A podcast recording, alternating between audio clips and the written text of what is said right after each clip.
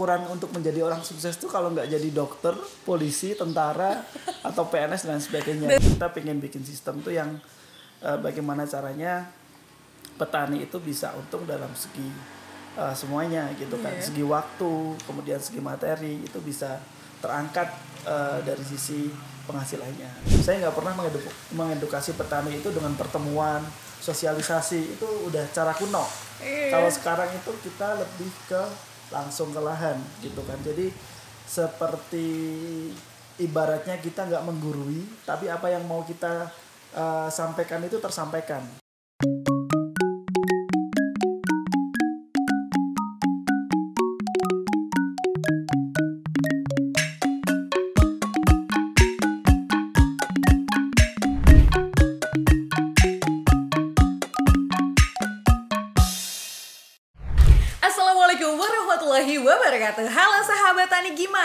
Kabarnya hari ini Semoga sehat selalu ya kan Apa yang sedang dikerjakan lancar sukses gitu Dan hari ini juga ada sosok sukses di samping Feby Di depan Feby luar biasa Yaitu Mas Agus Wibowo Halo Mas Halo. Assalamualaikum Waalaikumsalam. Bagaimana kabarnya hari ini Mas? Alhamdulillah luar biasa. Luar biasa ya, akhirnya kita dipertemukan Iya, dengan segala tantangan-tantangan kita lewati. Oke. Masya Allah, gimana nih hari ini melakukan aktivitas apa aja nih Mas? Ya biasa petani ya di lahan. Wih, sedap. Ini selingan aja, selingan istirahat. Selingan istirahat itu Iya. seperti ini ya. Iya, iya. Wah, wah, wah, menarik, menarik. Apalagi di eh, daerah sini tuh dingin banget, nyaman Iya, sejuk. banget, sejuk banget. Wah, mantap Musim deh. panas pun kita gak kepanasan. Oh iya. Baik nih.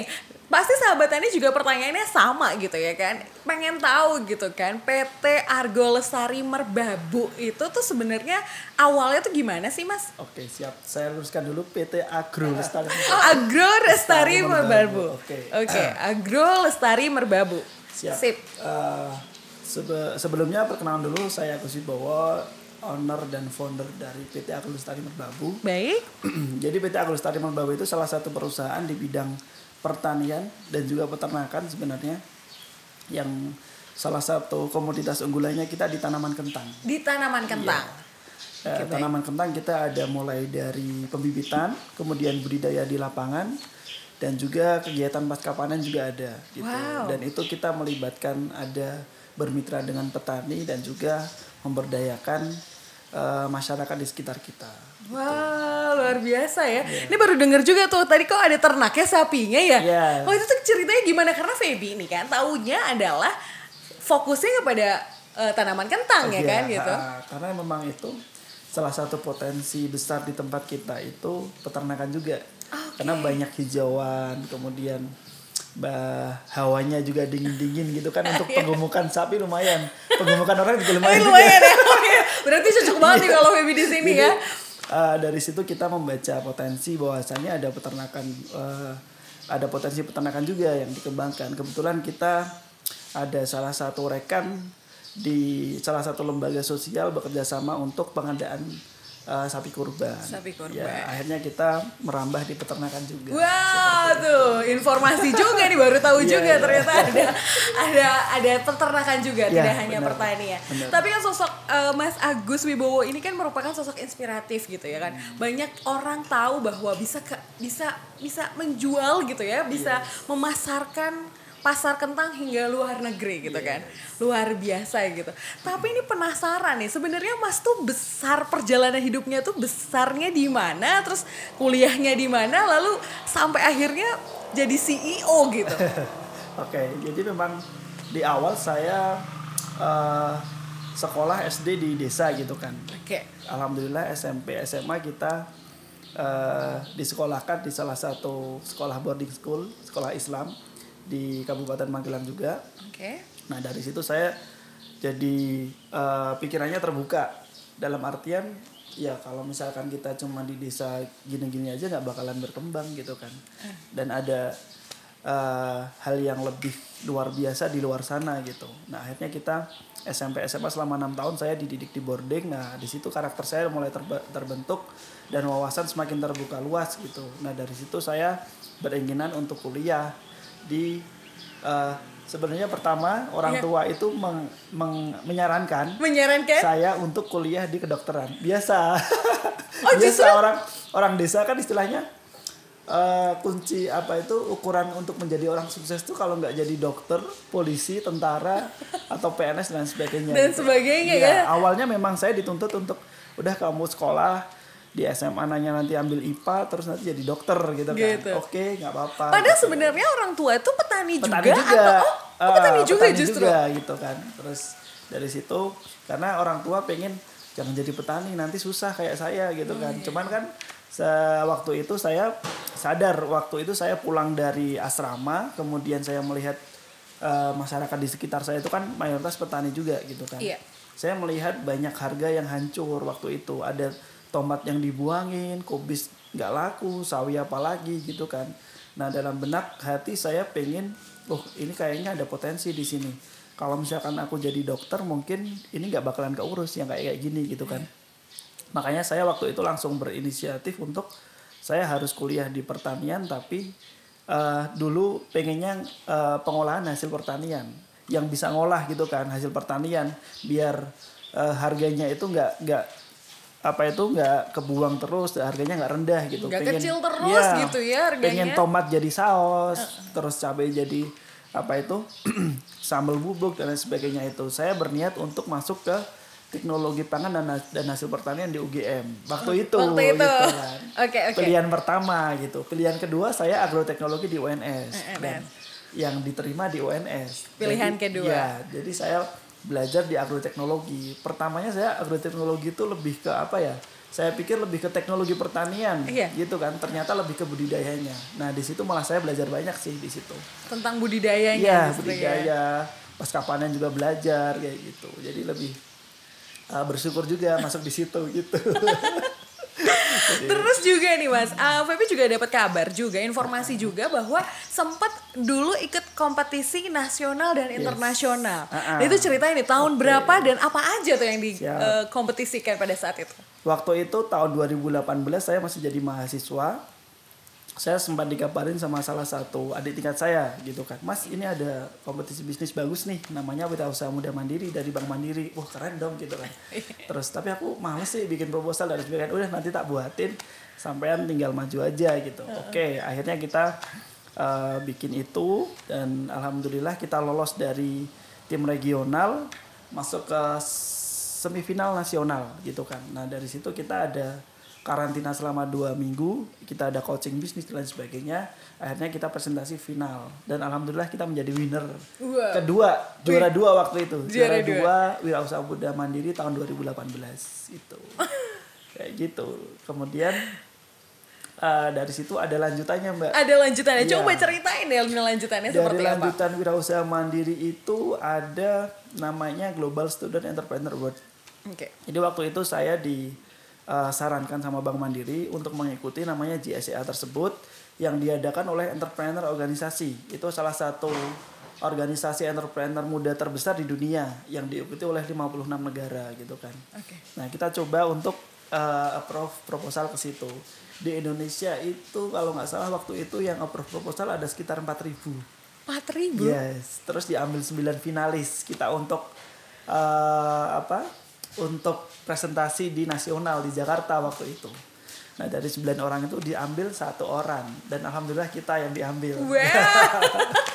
gitu. Jadi secara tidak langsung kita eh, mewakili Indonesia di Asia Pasifiknya itu di Singapura, kemudian untuk eh, internasional di Macau, Cina.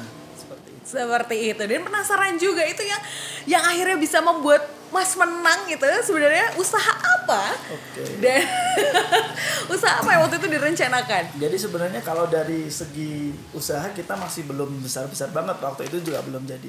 PT kita kita juga belum kebentuk gitu kan. Kita Iya. masih ya sekedar nama aja untuk branding Aku Lestari Merbabu gitu. Cuman Iya.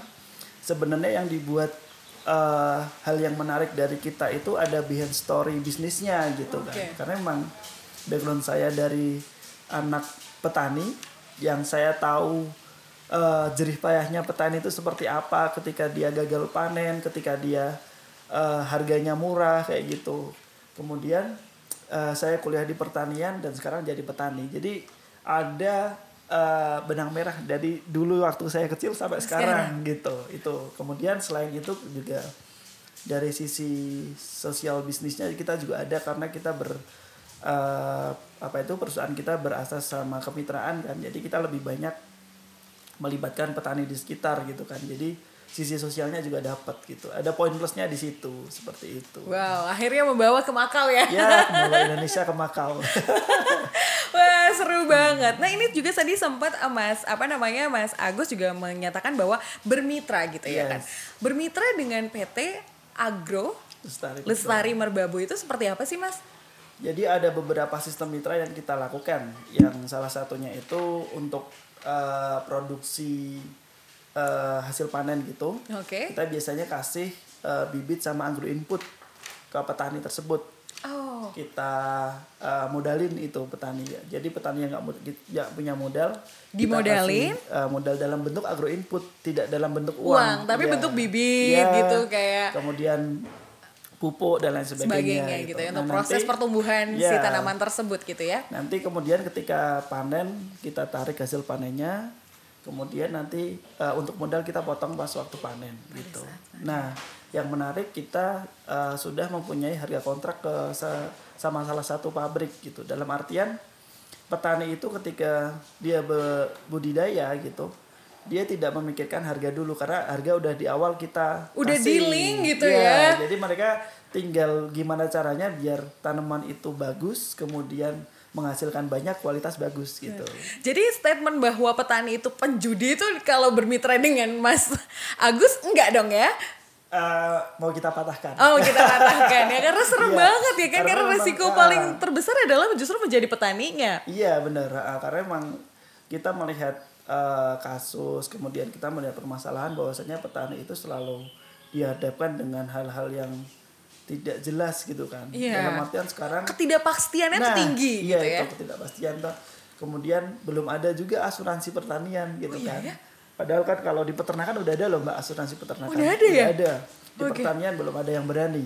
Karena memang Kepastian. sistem sistem pasar di Indonesia masih Nggak jelas nggak banget ya. jelas gitu kan.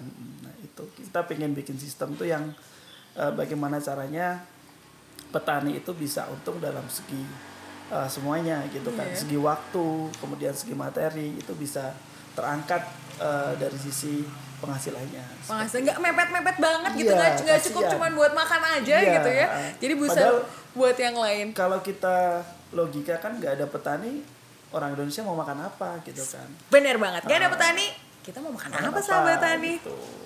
Jadi saya juga pengen bahwasanya mengajak atau menjadi motivasi untuk anak-anak muda terjun di dunia pertanian. Yang mungkin dulu itu tanda kutip petani itu selalu diidentikan dengan hal-hal yang capek kemudian kotor terus penghasilannya rendah kayak gitu. Karena itu mau kita patahkan ya pelan-pelan tapi nggak nggak nggak secara eh, Masif, keseluruhan. keseluruhan cepat Iya, gitu ya tapi perubahannya. kita mau mematahkan hal-hal seperti itu. Mindset orang petani itu harus kita eh, rubah gitu seperti itu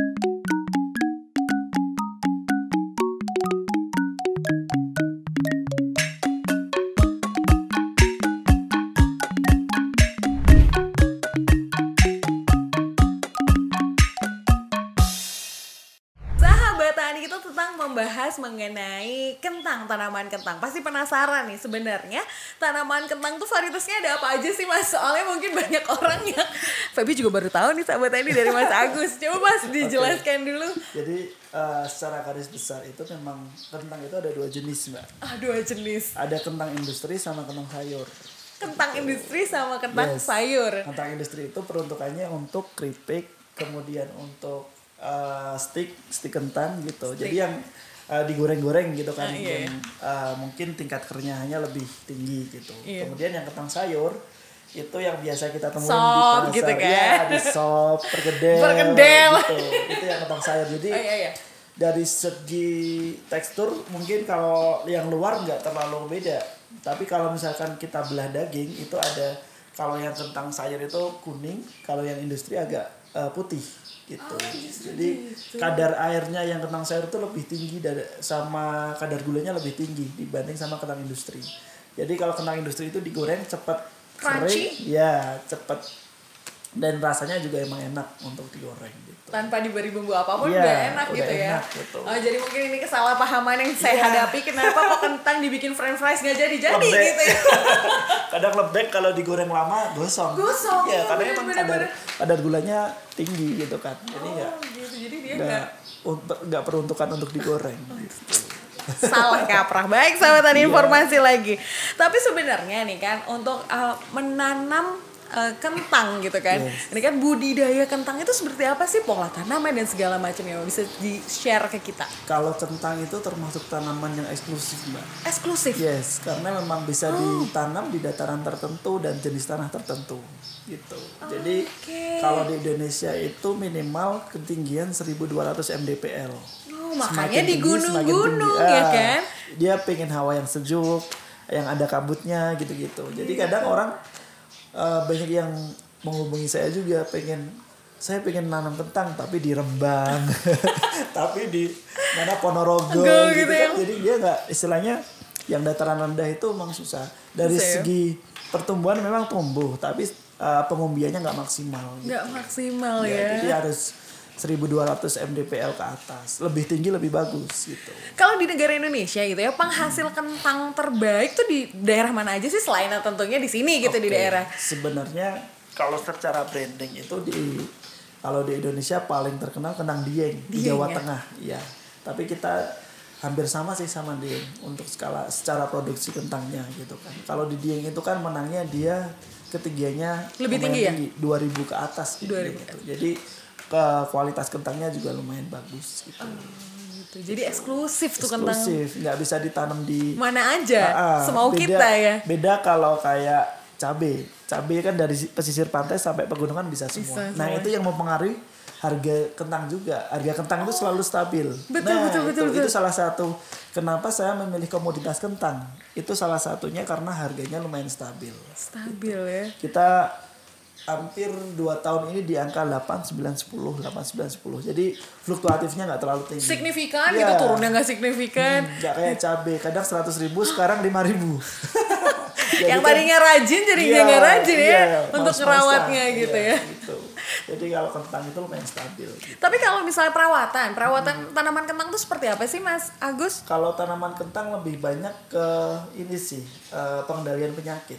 Karena kan kentang itu lucunya gini, dia suka hidup di daerah dingin. Iya. Tapi ketika ada kelembapan yang tinggi, itu salah satu faktor eh, bermunculnya jamur penyakit. gitu. penyakitnya. Jadi kita harus pinter-pinter pengendaliannya gitu. Makanya kita ada pola tanam rotasi tanaman, kemudian ada penyemprotan dengan dosis yang tepat, yang eh, dosis apa itu penyemprotan itu harus dosis tepat, tepat guna, tepat waktu, kayak gitu kan kita Tepat juga. guna, tepat waktu. Iya, tepat sasaran. Tepat sasaran. Ya, jadi ibaratnya gini mbak, kalau misalkan penggunaan pestisida di Indonesia itu kalau kentang kan memang kita nggak nggak nggak bisa secara organik full. Iya. Kita harus ada kimia juga pestisida. Cuman kita harus pandai-pandai juga menggunakan pestisida ini supaya kita tidak eh, mengkontaminasi lingkungan dengan pestisida yang berlebihan. Berlebihan. Makanya kita perlu adanya tepat guna, tepat jenis, tepat eh, waktu itu kan. Dalam artian eh, tanaman itu kan nggak bisa diajak kita ngomong.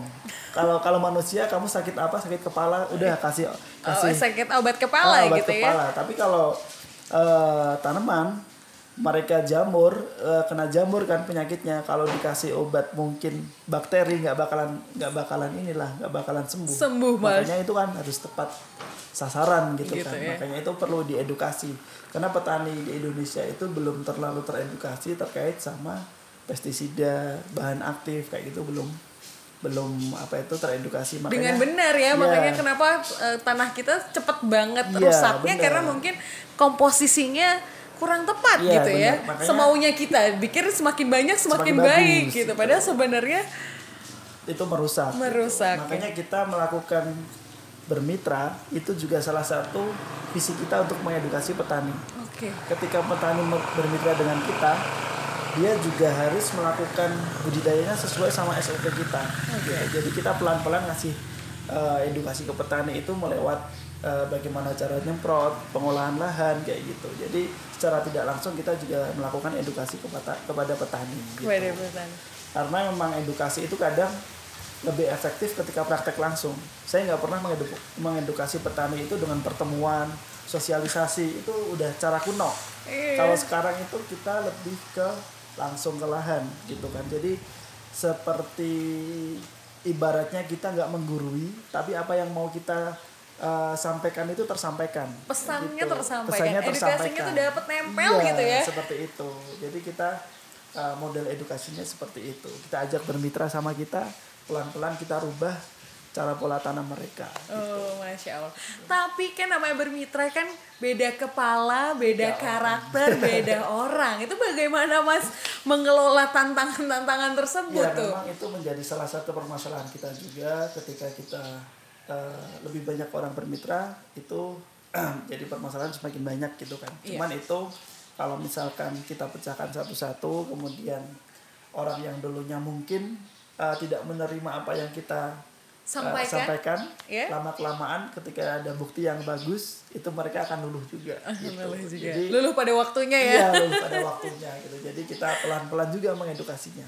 Gak serta merta langsung sekarang harus Karena kita benar Enggak, gitu ya. Kadang kita- kan kalau ma- maksudnya kita ngasih tahu tuh benar gitu. Iya. Kadang diterimanya tidak baik. Jadi nunggu pelan-pelan Iya, dulu aja. Apalagi aku masih istilahnya masih anak kecil.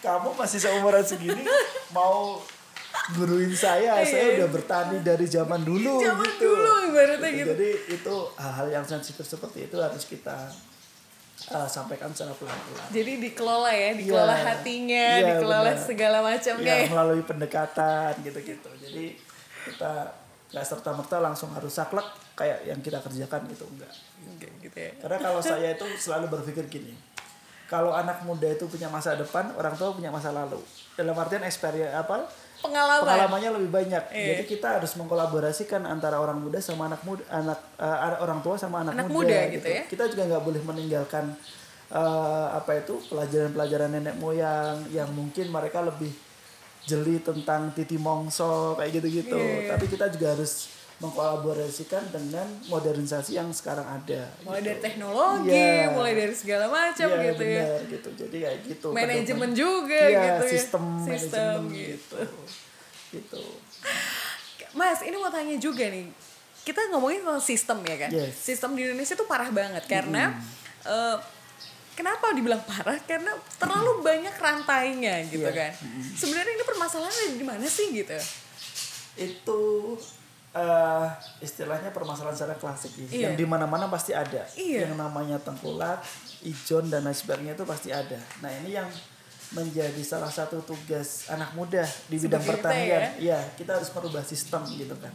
Sekarang kalau misalkan kita berpikir bertani tidak dengan sistem kita bakalan kalah gitu. Karena memang pertanian di Indonesia saat ini kalau tidak dibarengin dengan sistem yang bagus lama kelamaan akan punah gitu di mana petani itu selalu dirugikan kemudian petani selalu mendapatkan hasil yang rendah gitu Betul. kan jadi kalau tidak kita uh, perbaiki sistemnya pertanian akan punah gitu nah dari situ sebenarnya di masa pandemi seperti ini salah satu apa ya waktu yang tepat untuk merubah sistem mbak jadi kalau misalkan dulu orang harus belanja ke pasar Iya. kemudian harus uh, kita bawa barang dagangan ke pasar sekarang kita bisa online tuh lebih efektif.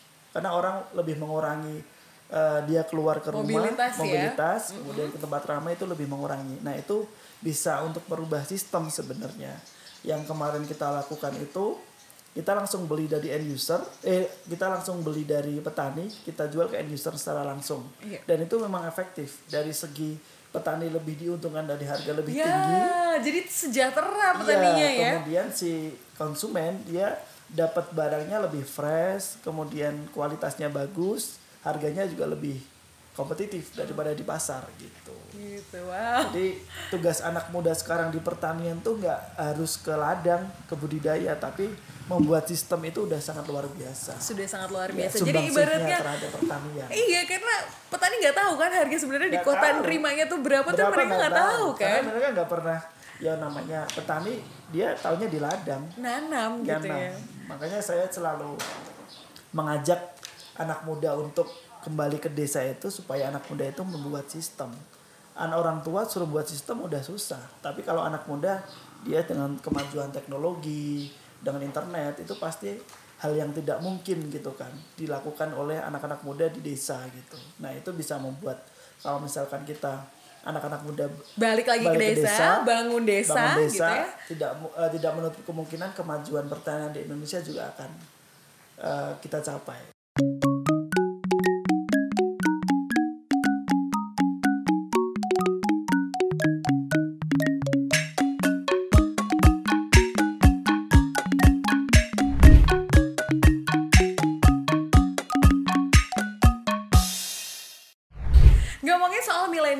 Mas Agus, kayaknya nggak nggak bisa dipisahkan sama teknologi gitu Betul, ya kan. betul. Apalagi Mas Agus juga kan masih berjiwa muda dan umurnya juga muda banget gitu kan ya. Eh, teknologi apa sih yang sudah di- diluncurkan dari PT eh, dari dari Mas Agus gitu? Karena sempat pernah lihat juga ada beberapa liputan katanya di daerah sini petani kentang yang terkenal ini nih Mas Agus Wibowo ini nih katanya bikin drone yang bisa kasih apa ya kasih solusi buat petani di sini gitu. Oke, jadi kita juga sebagai anak milenial, anak muda gitu kan, kita juga harus tahu perkembangan zaman gitu Iya. kan terkait dengan teknologi. Nah ini Betul. salah satunya selain untuk mengefektif- mengefektifkan kita bekerja, ini juga salah satu kampanye untuk menarik anak muda biar ke pertanian. Bahwa Oke. sekarang tuh pet- petani keren loh, bisa nyemprot pakai drone, sprayer gitu kan. Kita cuman pakai smartphone, bisa ngotak-ngatik ke sana sini nggak capek. Kita udah bisa nyemprot satu hektar dalam waktu 15 menit. 15 menit Biasanya aja harus gitu ya. setengah hari ya, sekarang 15 menit gitu. Kemudian kita juga pernah memakai smart irigasi juga pernah. Itu yang kita pakai kita bisa nyiram dengan kondisi apa pun walaupun saya keluar kota kita ada aplikasi untuk nyiram screen house saya gitu kan kita dari luar kota bisa nyiram gitu jadi hal-hal seperti itu memang eh, diperlukan juga untuk mengkerenkan dalam tanda kutip mengkerenkan petani Indonesia sekarang Tapi membantu sekali loh ya, Iya. karena kan kadang kalau Mbah Putri gitu kan dulu petani gitu kalau diajak ke mana-mana tuh pengennya pulang Iya. aja inget Tanamannya. inget tanamannya, inget sawahnya, Iya, gitu. inget ternaknya, Ah, kayak, kayak kalau ah. keluar tuh rasanya tuh nggak betah gitu, walaupun bertemu anak-anak dan cucu-cucu gitu, rasanya gelisah Bener, bener. gitu. Ah, itu. Jadi itu yang udah kita pakai gitu. Nah kemudian dari segi drone sprayer sendiri memang dari segi harga mahal ya mbak drone sprayer. Gak semua petani juga bisa beli Iya kan udah, gitu kan. ya kan udah dipepet tadi Iya, kan dari enam rantai yang banyak juga itu. Bikin perusahaan eh, persewaan jasa drone. Wah. Jadi biar petani bisa menikmati eh, teknologi terkini gitu Iya, kan. ya. Nggak harus beli. Nggak harus gitu kan. beli. Dengan harga yang murah pun mereka juga bisa menikmati teknologi seperti itu. Dan menghemat waktu juga Menghemat yang waktu, tadinya setengah hari efisiensi. hanya 15 menit Iya. aja. Harganya terjangkau nggak nih kalau mau nyewa gitu kan? Jangkau. Nanti kita bisik-bisik. Isik-isik aja ya kalau nanti salah harga. Iya. Tapi banyak yang bilang nih, milenial tuh banyak yang resah, banyak yang bilang juga kalau misalnya banyak banget teori-teori itu yang yang didapat tuh pada saat di lapangan itu sulit untuk dipraktekkan. Dan di situ berarti ada seninya gitu. Iya, nah kalau petani petani ya kan, petani Iya. kentang seperti Mas Agus tuh seninya di bagian mana sih? Coba di-share. Kalau seni kita untuk berbudidaya memang tanaman kentang itu termasuk tanaman yang tidak begitu ribet sih untuk eh, Pada dasarnya nggak begitu iya, ribet ya? nggak begitu ribet karena memang ketika kita udah tanam yang tinggal nanti kita cuman penyemprotan penyiangan gitu nggak terlalu intens lah Oh, panennya berapa lama sih kalau Tiga bulan Oh, tiga kita. bulan. Oke. kita aja satu hektar bisa diakomodasi oleh tiga orang mbak Tiga itu hektar tiga orang aja cukup.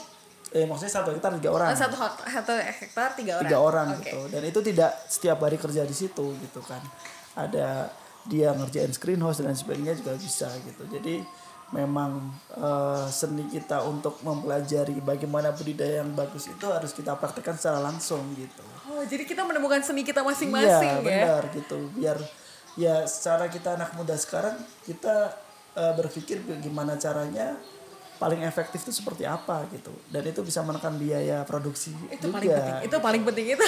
karena memang ketika kita terlalu banyak biaya produksi ya, harga jualnya rendah, Rendah, nangis darah deh Feby deh dengernya deh. kita minus lagi dong ya, petani gitu. Iya, aduh. seperti itu Gimana mau tertarik kalau minus terus ya ibaratnya. Tapi kita membuktikan bahwa ada kok pasar-pasar ya maksudnya ibarat pasar-pasar kalau kita udah punya pasar yang jelas, Ah, pasar yang terus menerus gitu. Iya. Kita tuh nggak akan kayak gitu Iya, kok ibaratnya itu gitu. sistem kan mbak itu kita berbicara sistem lagi kita cari pasar cari ini kan itu harus punya sistem yang jelas planning untuk penanaman kayak gitu nggak kita asal tanam gitu karena emang sekarang kita menjadi petani itu beda zaman zaman dulu. Kalau zaman dulu petani itu ya yang penting saya nanam. Selesai. saya bisa makan nanti ketika panen dan anak istri saya bisa makan gitu. Kalau sekarang petani is bisnis gitu kan. Karena kita itu sudah terjun sebagai profesi petani ini. Jadi kita harus mau untung dari dari profesi kita ini gitu. Jadi kita harus menata bener secara konsep secara manajemen gitu harus benar-benar kita tata seperti itu. Itu luar biasa. Tapi gimana nih Feby pengen tahu perasaannya Mas Agus gitu ketika dapat order misalnya dari luar negeri gitu ya dapat ekspor ke luar negeri itu perasaannya gimana? Denger aja Feby bangga ya. Dan ada di sebelahnya juga sebuah kehormatan juga gitu kan. Sebenarnya ketika ada pasar ekspor itu kita berpikir juga mbak. Jadi kalau kita udah berbicara tentang ekspor kita harus berbicara tentang kualitas sama kuantitas dan Oke. kontinuitas. Oh, itu- itu penting Makanya banget ya. kita sekarang bangun sistem itu buat eh, supaya pasar kita lebih kuat. Dengan adanya kemitraan dengan adanya petani mitra itu semakin memperkuat pasar kita kan. Karena kita kalau misalkan cuma mengandalkan dari lahan yang kita pribadi, punya ya misalnya. bakalan nggak bakalan mencukupi secara kontinuitas. Kalau secara kualitas kita mungkin bisa tapi secara kontinuitas kita susah gitu. Makanya kita harus menata dulu eh, dari bawah dari sistemnya dulu. Kita bikin sistem gitu. Sistemnya udah oke Iya. udah jalan begitu ada yang order luar negeri kan Udah oke mantap gitu, ya. Ah, dan serta merta itu kebangunnya nggak nggak nggak sebentar. Nggak dalam iya. hitungan semalam saya gitu dari ya. 2017 Mbak. 2017 Iya, ya. bangunnya itu. Saya masih SM eh masih mahasiswa juga. Masih mahasiswa Iya, juga. jadi saya kuliah sambil kerja eh sambil bisnis. Keren. Gitu. emang jiwa-jiwa bisnis tuh prinsip-prinsip bisnis nah, ini jiwa-jiwa? yang yang saya sarankan kepada anak-anak milenial khususnya anak pertanian ya. Jadi saya itu terjun di dunia kentang gara-gara saya eh, penelitian saya di dunia perkentangan juga. Saya meneliti penyakit kentang. Pada saat skripsi? Iya, jadi Oh. saya skripsi itu saya riset, saya cari riset data riset sama cari peluang bisnis. Ini yang bisa kebaca dari kentang tuh apa. oh gitu ya bener bener Makanya bener. saya juga belajar ketika saya ketemu sama orang luar negeri juga, Iya. ternyata mereka yang teliti tuh masih jadi bisnis gitu. Oh. Jadi ini eh, buat pesan anak-anak kuliahan juga. Iya, Jadi iya. kalian besok istilahnya nggak usah susah-susah cari kerjaan. Yang kalian eh, riset, yang kalian teliti, jadikan bisnis aja. Itu malah bagus karena kamu tahu seluk beluknya di situ. seperti apa Seperti gitu karena kan apa? kita bener-bener di pressure Iya. sama dosen Ah, pembimbing iya, gitu jadi- penelaah gitu Jadi kita itu nggak cuman semata-mata tugas akhir cuman buat Selesai. skripsi selesai Ah, ah, habis iya itu juga kita ya. pajang di apa library di perpustakaan Ah, gitu kan dan Tapi- foto kita yang sudah selesai di tapi itu juga bisa jadi bisnis Oh, iya, gitu. Itu jadi biar anak muda sekarang itu uh, tujuannya nggak cuma jadi PNS Oh, oh, ya. jadi karyawan Iya, ya. tapi juga membuka lapangan pekerjaan. Gitu ya keren banget sih Mas Agus. Mm. jadi gimana gitu ya. Tapi ini Mas Agus ini juga jadi pertanyaannya para milenial gitu kan. Kembali ke desa apa namanya membangun desa. Itu adalah sesuatu hal yang baik gitu positif. Tapi kan ketika kita pulang ke desa tidak maksudnya kembali lagi ke desa tuh kan pasti ada kepercayaan diri atau aduh nanti gimana ya nanti Iya, di desa ya terus kayak nanti orang maksudnya kan kadang ya Iya. eh, omongan-omongan dan tetangga tetangga lebih pedas daripada cabai Iya bener kan, lebih pedas daripada cabai. Iya. Jadi gimana tuh caranya menyemangati Jadi- diri sendiri untuk survive gitu untuk niatnya baik nih membangun Iya. desa gitu seperti yang dilakukan Mas Agus. Jadi Mbak Febi sebenarnya saya orang yang pertama kali kuliah di desa saya.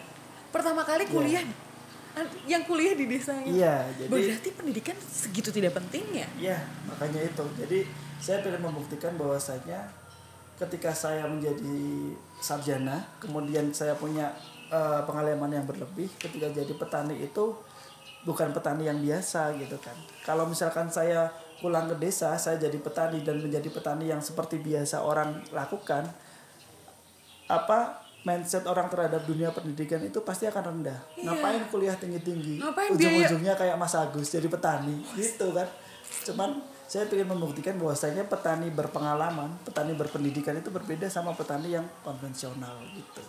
Makanya eh, kalian-kalian yang mungkin eh, ada cita-cita untuk membangun desa kembali ke desa, kalian buktikan ketika kalian di desa kalian punya karya apa, punya konsep seperti apa dan itu akan merubah eh, istilahnya peradaban peradaban di desa seperti itu.